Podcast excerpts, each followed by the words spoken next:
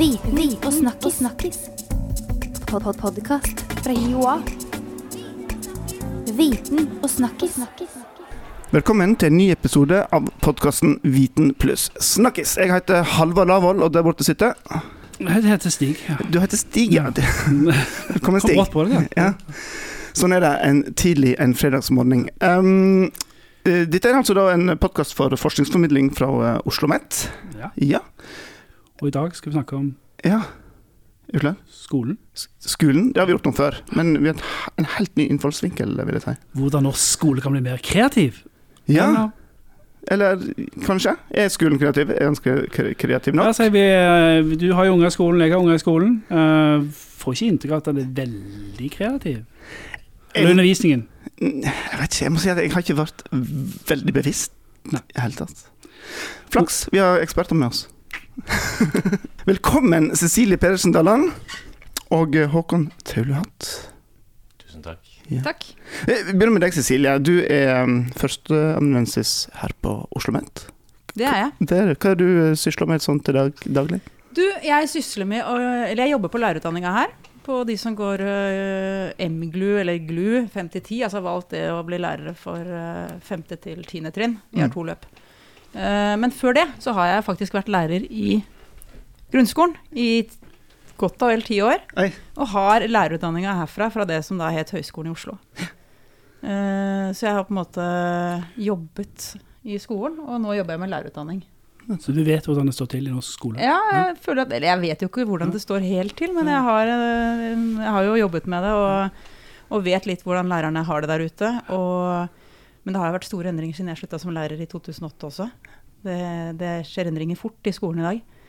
Eh, og lærerne har fått eh, mye mer krav og, og målstyring Mm. eh, bare i løpet av de siste årene. Så de må forholde seg til. Ja. Og så er du blitt kjent med Håkon her med din side. Eh, Håkon, du er reklamemann. Jeg er reklamemann og har vært det i mange år. Og, og Cecilie, forsker og reklamemann, det er jo ikke den, den vanlige Det er ikke noe match in heaven, det. Nei. Nei, jeg vet ikke, jeg. Hvordan fant- du Håkon? Ja. Uh, nei, det Altså, vi er rett og slett naboer. Ja, Mm. så fantastisk. Sånn over gjerdet-naboer. Ja, det er sånn at når du er over gjerdenaboer, så snakker du jo ofte over gjerdesamtaler. Men det vi egentlig Det som gjorde at vi møttes, det var at eh, vi hadde en hagefest. Eh, Og på hagefester så snakker man jo gjerne om hva man gjør, og, og, det er jo lett å snakke om skole. Eh, Alle har mening om skole. Alle har meninger om skole. Men vit at det har de også om reklame og om kommunikasjon og det å ha gjennomslagskraft. Alle mener mye om dette. Eh, og det vi så etter hvert, var at vi mente jo mye om hverandre. Og vi så jo også at vi hadde noen innganger som faktisk kanskje var litt felles. da. Fordi ofte så handler dette om kommunikasjonskraft og gjennomslagskraft. Eh, og da begynte vi å se på eh, Er det faget som jeg representerer, det er jo på en måte et bevissthetsfag om å bli sett og om å bli hørt. Og kunne det være noe der som man kunne benytte seg av i eh, skolen? Eh, og dette satt vi og boret på og hadde en lang og god samtale rundt, og fant eh, veldig interessant. Eh, så kanskje er det sånn at det er noen fellesnevnere her som det går an å benytte seg av. Ja.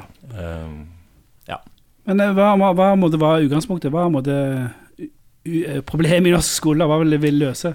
Hva, Nei, problemet var vel at vi snakket litt sånn generelt om at det var litt mye kjedsomhet, da. ja, Eh, at skolen eh, Vi kan kalle det akademisk kjedsomhet, og vi kan kalle det kjedsomhet at elevene kanskje ikke alltid Og det syns at det er mye Og det skal det også være. De skal jo, det er jo ikke alt som er morsomt, og noe må læres. Men at det kanskje i, i større grad kunne være mer bruk av innfallsvinkler og det man kaller altså, kreative input uh, i norsk skole. Det er jo et, altså, Da jeg begynte som lærer etter at, altså, uh, i 1998, så kom seksåringene inn i skolen. Og da var det to lærere i klassen, og de skulle leke. Første klasse skulle være lekprega. Eh, nå skal de lese til jul i første klasse. Det er en kjempeendring. Eh, leken er på en måte ned, virker som er veldig nedtona. Det er friminuttene, og det er jo og oppstykka til skoletimer ofte. Nå skal ikke jeg si at det gjelder alle skolene i hele Norge, men det er den, det generelle mønsteret. Eh, og det forplanter seg oppover. fordi hvis man får, når man får sant, du har denne, Nå er det jo snakk om denne overgangen fra barnehage til skole. Den kan også Håkon snakke litt mer om, hva, hva som skjer der. Men, men eh, det, blir, det er en stor overgang for mange barn. Det der fra barnehagen, som er ganske fritt, og sånn, til skolen, som er veldig strukturert.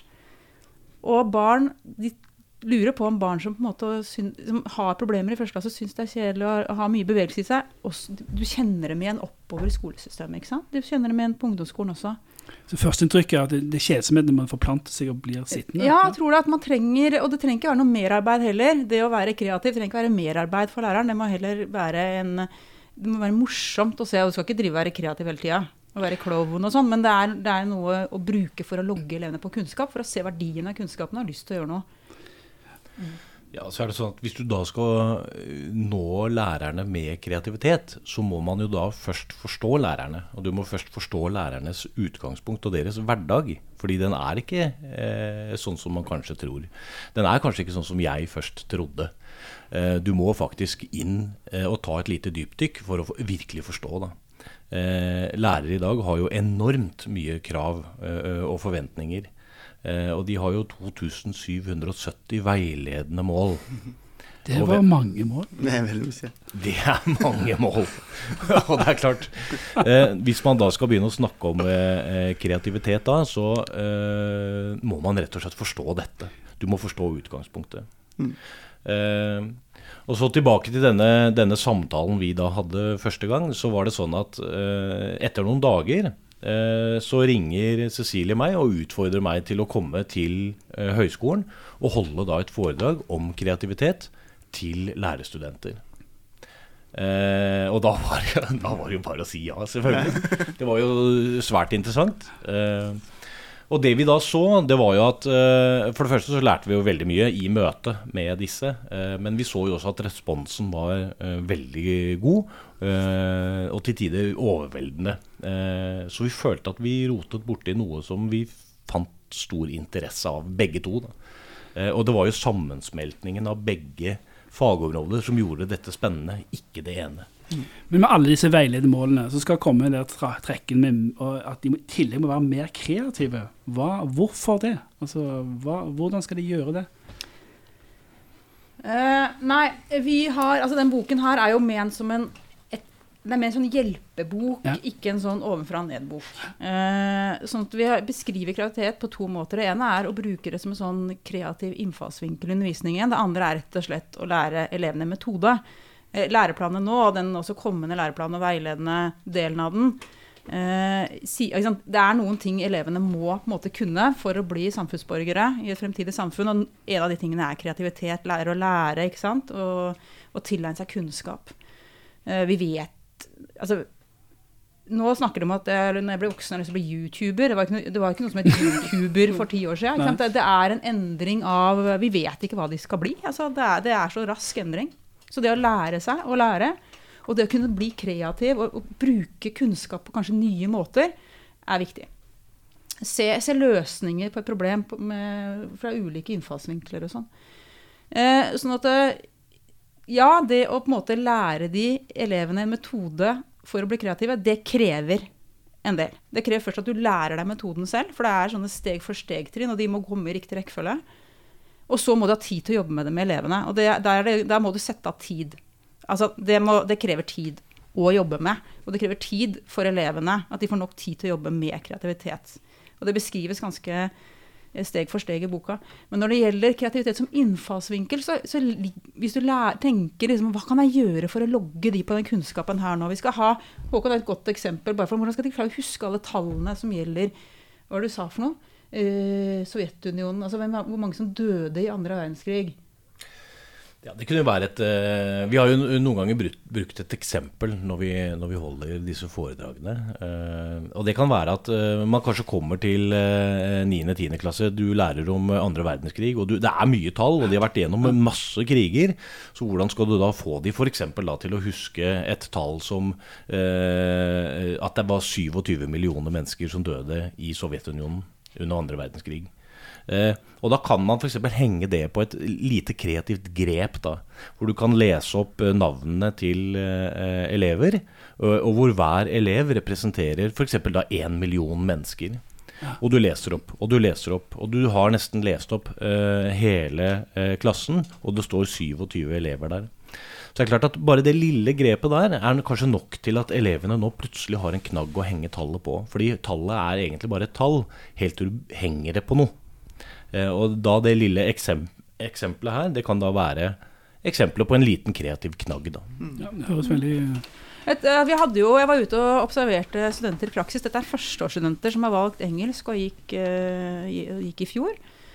Og da jeg kom på den skolen, så hadde de De skulle ha engelsk, skulle lese en engelsk tekst i en bok om en slave. Eh, og når jeg kom, så hadde de en svær pappeske, altså en sånn kjempediger pappeske, hvor det sto 'This side up' på toppen av esken. Og så sa de at uh, den skulle de bruke i undervisninga. Uh, og når vi kom inn i klasserommet, så var de alltid litt før for å gjøre seg klare. Og så ramla det selvfølgelig inn tre gutter som egentlig ikke skulle ramle inn der ennå, for de hadde ikke ringt inn. Og det første de stiller spørsmål til, er hvorfor er det en pappis i klasserommet? Og så sier de det kan vi ikke si nå, det skal dere få vite mer om etterpå. Eh, og så går de ut og så hører på gangen. Dere, dere, det er en pappeske i klasserommet. Dette kommer til å bli en skikkelig kul engelsktime. Altså. Bare gled dere, liksom. Det er en pappeske der inne.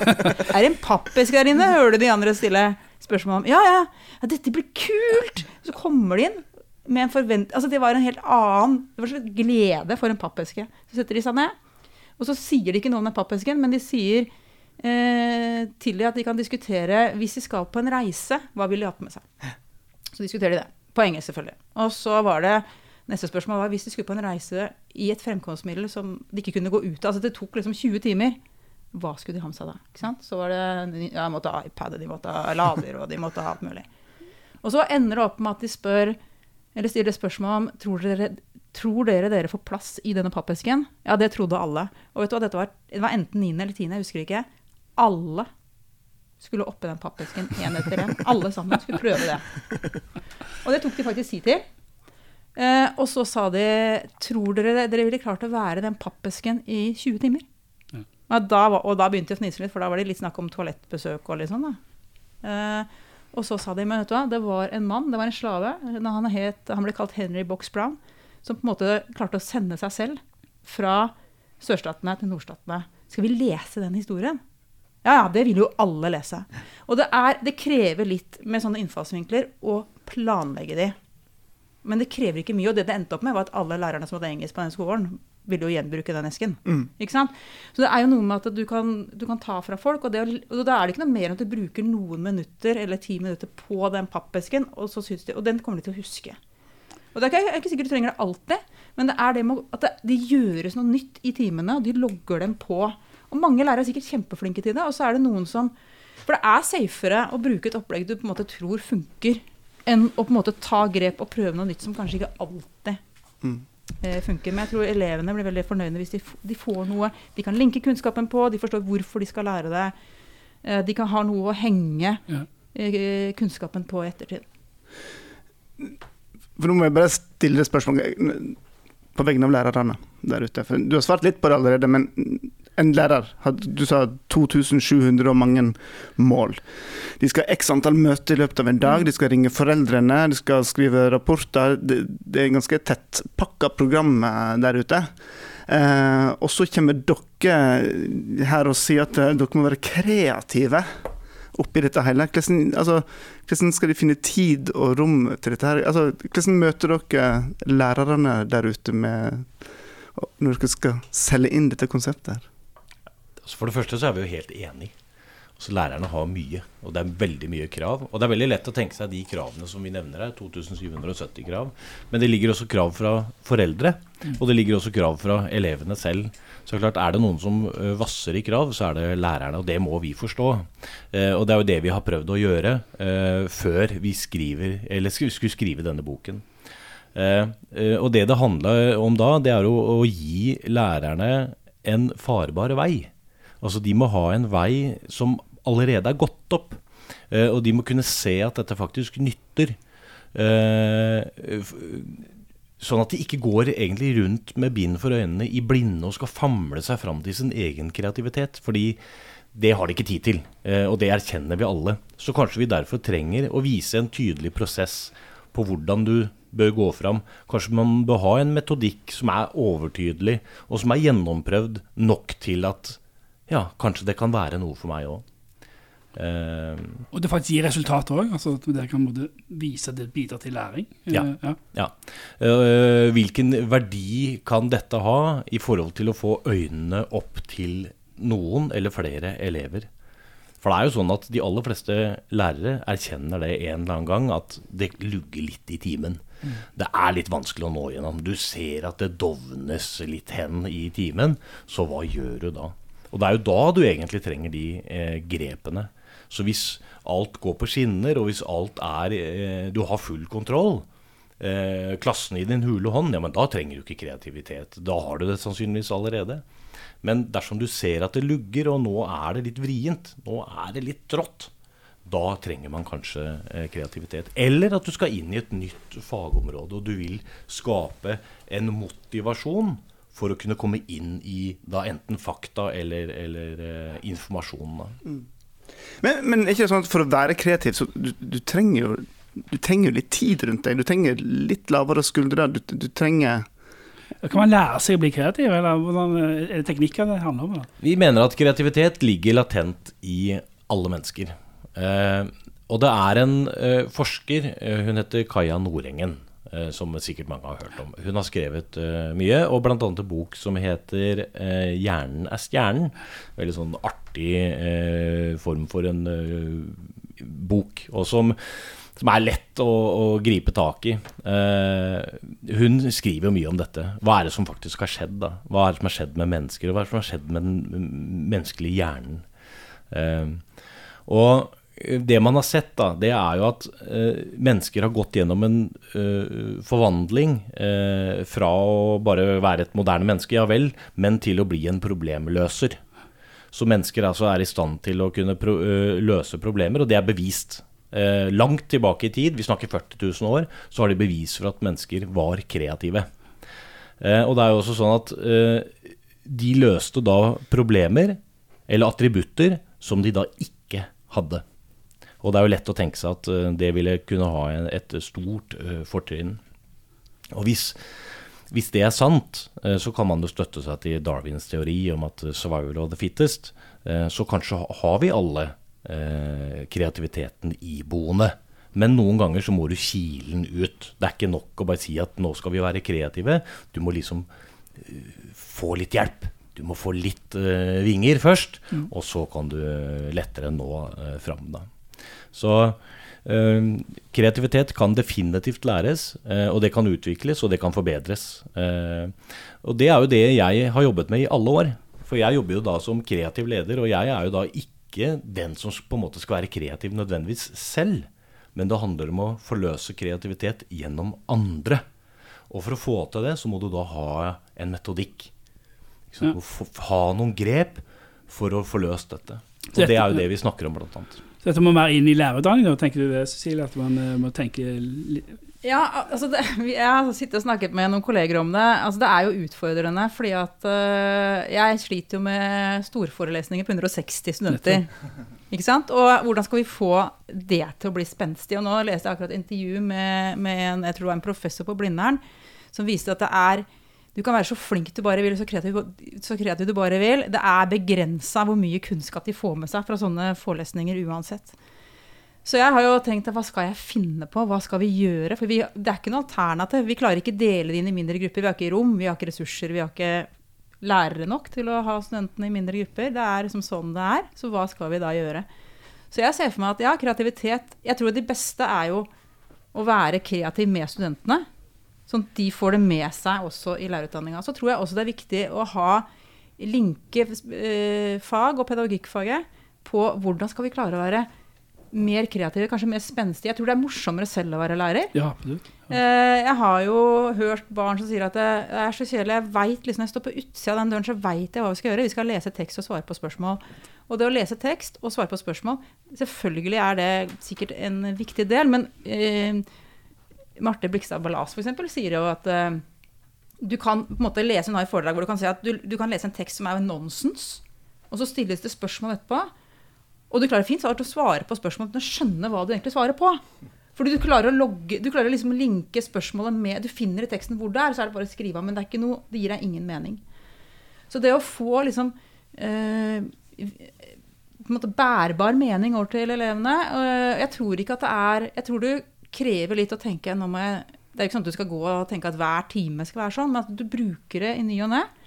Eh, når det liksom føler at du Jeg må enten linke de på i begynnelsen, altså ha en sånn derre det er Mange lærere har jo det. en sånn derre I dag er det sånn oppstartdag av et tema, ikke sant? Eller at du tenker litt annerledes oppgaver.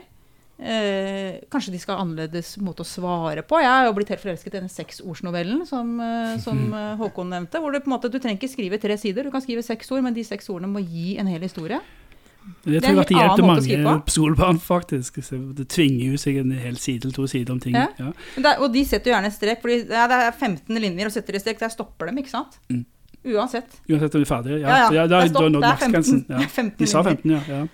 Men, men hva med skolen, da? Er, det, er, det no, er skolen flink nok til å måtte gi rom for den form for læringsprosesser eller undervisnings... eh, Tenker du om det? Jeg, vet du hva, jeg tror de er på vei, for jeg tror at de ser at uh, Nå har de jo i barneskolen i hvert fall gått bort fra skriftlig vurdering. Uh, jeg tror jo at det har vært en sånn hemsko for lærere. Jeg tror at Hvis du kommer på et møte med lærerne, så, så vil veldig mange lærere vite veldig godt hvordan barnet ditt ligger an uten å ha skrevet en skriftlig vurdering. Jeg bruker mye tid på det. Uh, og jeg tror man skal heller bruke tid på, på måte, å gi rom for uh, mer kreativitet, mer læring, mer eh, Kanskje andre måter å, å å, å måte, teste elevenes læring på. Eh, det er jo mye oppe med sånn dialogisk undervisning, åpne spørsmål. Lærere stiller jo 100 000 spørsmål. Jeg gjør det jo selv som foreleser her. Jeg stiller spørsmål hvor det er et svar. Og jeg er på jakt etter det svaret. ikke sant? Hvordan skal man på en måte, Så det er nok en endringsprosess også. Eh, og det er ikke det at eh, sånn som man driver skole nå, er bare negativt. Men man skal ha åpne opp. Det er en veld, eksempel når de går i barnehage, så er det en helt annen type og der lærer de også mye. Læring enn til skolen. En stor overgang, det kan du også si mer om. Og det er også en stor overgang i forhold til hvordan rommene er, er møblert og, og, på en måte også altså med plakater. Og det er mye rom, da. Det er et studie hvis du går inn i en barnehage. Og det er jo veldig morsomt. Og eh, alle som har barn, har jo eh, tråkka inn i disse barnehagene. Og det er jo en, ofte en sånn kreativ sfære du kommer inn i. Eh, det er masse spennende som skjer, og det er farger overalt. Og de, de gjør ting som er helt sånn overraskende for oss eh, voksne. Eh, de henger tegninger i taket, og det henger ballonger på dass. Og det er liksom helt hva de driver med. Og det er klart at i et sånt miljø så er det lett å tenke seg at du kan bli, eller få kreativitet, da. Eller, eller fantasi, da. Eh, og det ser man jo. Eh, og jeg har jo også to barn, og vi har jo loftet fullt av eh, kreasjoner som er laget spesielt da i, i, på dette nivået. Og så ser man da at når man kommer på skolen, når man blir eldre, så får man i større grad eh, svaret gjennom at du skal sitte ned, du skal eh, svare riktig, og du skal helst ikke svare hvis du ikke faktisk kan svaret. Eh, og det gjør jo selvfølgelig at dette blir mindre stimulerende eh, for da eh, elevene. Eh, så kanskje der de i barnehagen snudde verden på hodet hele tiden, så blir kanskje det litt mer borte eh, på skolen. Men når det er sagt, så er det jo mange elever, nei, mange lærere som er veldig dyktige. Og det er mange som er veldig kreative, og det er lærere som skaper magi. Så, og da må vi tilbake til mitt bilde første gang. Man var litt påståelig. For at sånn er det på skolen. Det er jo ikke sånn. Det er mange som er svært dyktige. Og så er det også mange vi hører om som gjerne skulle hatt litt hjelp der man ser at det lugger. Det er interessant at kan, skolen kan lære mer av barnehagen. Det, for det har jo vært liksom motsatt trend de siste Jo, det er kjempefint. For det har vært en motsatt trend de siste årene at man skal være mer, mer opptatt av eh, liksom, skoling og og lære. Altså, lære, lære altså at man, leken og magien forsvinner litt da i skolen. Mm. Uh. Det det har jo kanskje litt mer fleksibilitet. Jeg har en i, i barnehagen, og de skriver noen sånne månedsplaner for hva de skal gjennom. Og så oppdager jeg her forrige måned at eh, plutselig var de eh, blitt interessert i Elvis. Så da sa, eh, da sa eh, læreren, altså de som jobber der, vet du hva, vi hopper over den planen der. Nå er det Elvis for alle pengene, for nå er interessen der. Og da skrota de alle planlagte ideer og så gikk rett på, på en måned med Elvis. Det er, det er et glimrende godt eksempel. Bruke momentet. Ikke sant? Bruke motivasjonen som ligger der. Og så får man heller stable litt annerledes bak. Da. Det er jo et kjempegodt eksempel. Jeg tror noe, men jeg tror jeg vil også si noen ting om at jeg tror noe av problemet for lærerne også er at det går mot ja, eh, mer type faglærere. Og det betyr at også på mellomtrinnet, kanskje ikke i så stor grad på småskoletrinnet, men på mellomtrinnet så vil elevene forholde seg til ganske mange lærere. Noen skoler har gått imot det, men andre skoler har det som policy. ikke sant? Og da kan en elev Min sønn har vel åtte eller ni lærere han forholder seg til. Han går i sjette klasse. Eh, og det er ikke noe stygt å si om det, men det er vanskelig for lærere. Og, og, og kanskje, altså, Da jeg var lærer og hadde klassen min nesten alle fag, og kanskje det var en som var inne og hadde matte, så kunne jeg si men nå fortsetter vi. Det, eh, nå bryter vi opp, eller nå gjør vi det, eller vi kan gå ut og ta det ute. Man kan ikke det, for da står plutselig engelsklæreren på døra. ikke sant? Eller samfunnsfaglæreren står på døra. Så den der autonomien man hadde i å sjonglere timer også, den blir jo borte når man må, er på en måte et del av et team hvor det er veldig mange lærere inne og har forskjellige fag. Og det gjør noe med at du må forholde deg til fryktelig mange, mange elever også, for du har jo flere klasser du går i. Du har ikke noe færre timer, men du har flere klasser og flere elever. Så det er ja, det er bra å være ekspert i et fag og god i faget, men du kan miste andre ting som gjør at den autonomien og den der leken du kan ha, den blir på en måte tona ned, for det er, da må du et annet sted. Du risikerer å miste noe på veien her, altså, mot Ja. det han, hvor læreren skal kunne matte og du må Mm. være ekspert i hvert sitt fag. Så det, ja. Det man kunne tenke seg, var jo at kanskje at man da hadde i større grad en, en samling da, mellom disse lærerne, hvor det går an å finne noen kreative innfallsvinkler i sammen. Sånn at du opplever de i norsk, du får de i matte, og sågar når du kommer på, på, i sløydsalen, så møter du den samme på en måte oppgaven eller, eller inngangen. da, Ikke sant? Og det gjør det kanskje litt mer forståelig. Eh, nå får du mer av alle på en annen måte enn det man kanskje tidligere har, gjort. Da. Cecilie Håkon, dette er jo veldig spennende og ikke minst eh, stor, stort tema dere sysler med her. Eh, hvis vi tenker at det sitter noen lærere og hører på oss eh, akkurat nå og blir bitte litt nysgjerrige, hvor skal de begynne? hen? Begynner, Først må du begynne med en erkjennelse. At eh, Hvis det er sånn at eh, du kjenner det lugge litt i timene, og du ser at eh, noe av gløden forsvinner, da ligger det kanskje en erkjennelse bak. Da. Og da må man kanskje ta dette Ta tyren ved hornet og gjøre noe med dette. Da. Så og Det er der på en måte boken kommer inn, at det kan hjelpe til å finne eh, kreativiteten gjennom masse eksempler og innganger, men også gjennom da denne metoden. Eh, og så er det sånn at eh, Et tips er at de må forstå at du ikke trenger å måtte reise til månen hver gang du skal være kreativ. Det er godt, å- godt å høre. Ja. Noen ganger så holder det med litt dryss. En spennende inngang, sånn som vi har vist eh, her i dag også, eh, som bare har en annen inngang. Mens andre ganger så kanskje krever at du setter deg ned sammen med lærerne eh, sammen for å finne en annen kreativ metode eller en inngang. Eh, tenker jeg kan være et godt tips på veien at man trenger ikke gå så langt, fordi man må ta utgangspunkt i målgruppen. Hvis de ikke har sett det før, så er det kreativt. Eh, så, og, og det er jo ganske fint. Da. Eh, og så er det noe med å uh, se på eh, kreativitet som en eh, prosess. Eh, det er ikke bare det å forløse en eller annen idé. Det er å bore på et problem. Det er å finne informasjon før du går inn i og prøver å være kreativ. Og når man har vært kreativ, så skal man jo forfine det du sitter med. Det er nå skal du prøve å finne argumenter før du begynner å sette det ut i livet, og, og gjerne kan konkludere i bakkant. At man ser dette som en prosess, ikke bare den skaperpunktet. Ehm, og så går det an å sette seg sammen, og kreativitet er jo så morsomt, og det er givende, og ofte er det mye latter og gøy, så, så det er det er gøy i tillegg. Ja. Det høres veldig bra ut. Altså, det er veldig bra for ungene at de får det mer gøy på skolen, og lærer mer. Og at til og med læreren får det gøy. Og dette er jo en vinn-vinn. Det er bare vinn-vinn. Jeg får lyst til å bli lærer. Ja, vi har en fantastisk lærerutdanning her på Oslo Met. Stig, du bør søke. Vi går i gang. Jeg gjør det. Um, Cecilie og Håkon, tusen takk for at dere kom uh, i studio for å fortelle oss om kreativitet i, i skolen. Takk for at du fikk være med. Tusen takk. Tusen takk. Og så har vi òg blitt kjent med et uh, nytt begrep, gjær- eh, gjerdenaboer. Så det er flaks at dere flytta i nærheten av hverandre. Ja, veldig. Eh, og hvis du er nysgjerrig på eh, tematikken her, så kan du bare lese eh, den verste teksten som kommer med podkasten. Der legger vi med lenke til boka og annet relevant stoff. sånn at hvis du er virkelig interessert her, så er det bare til å lese den teksten. Der finner du på blogghiva.no slash viten og snakkes.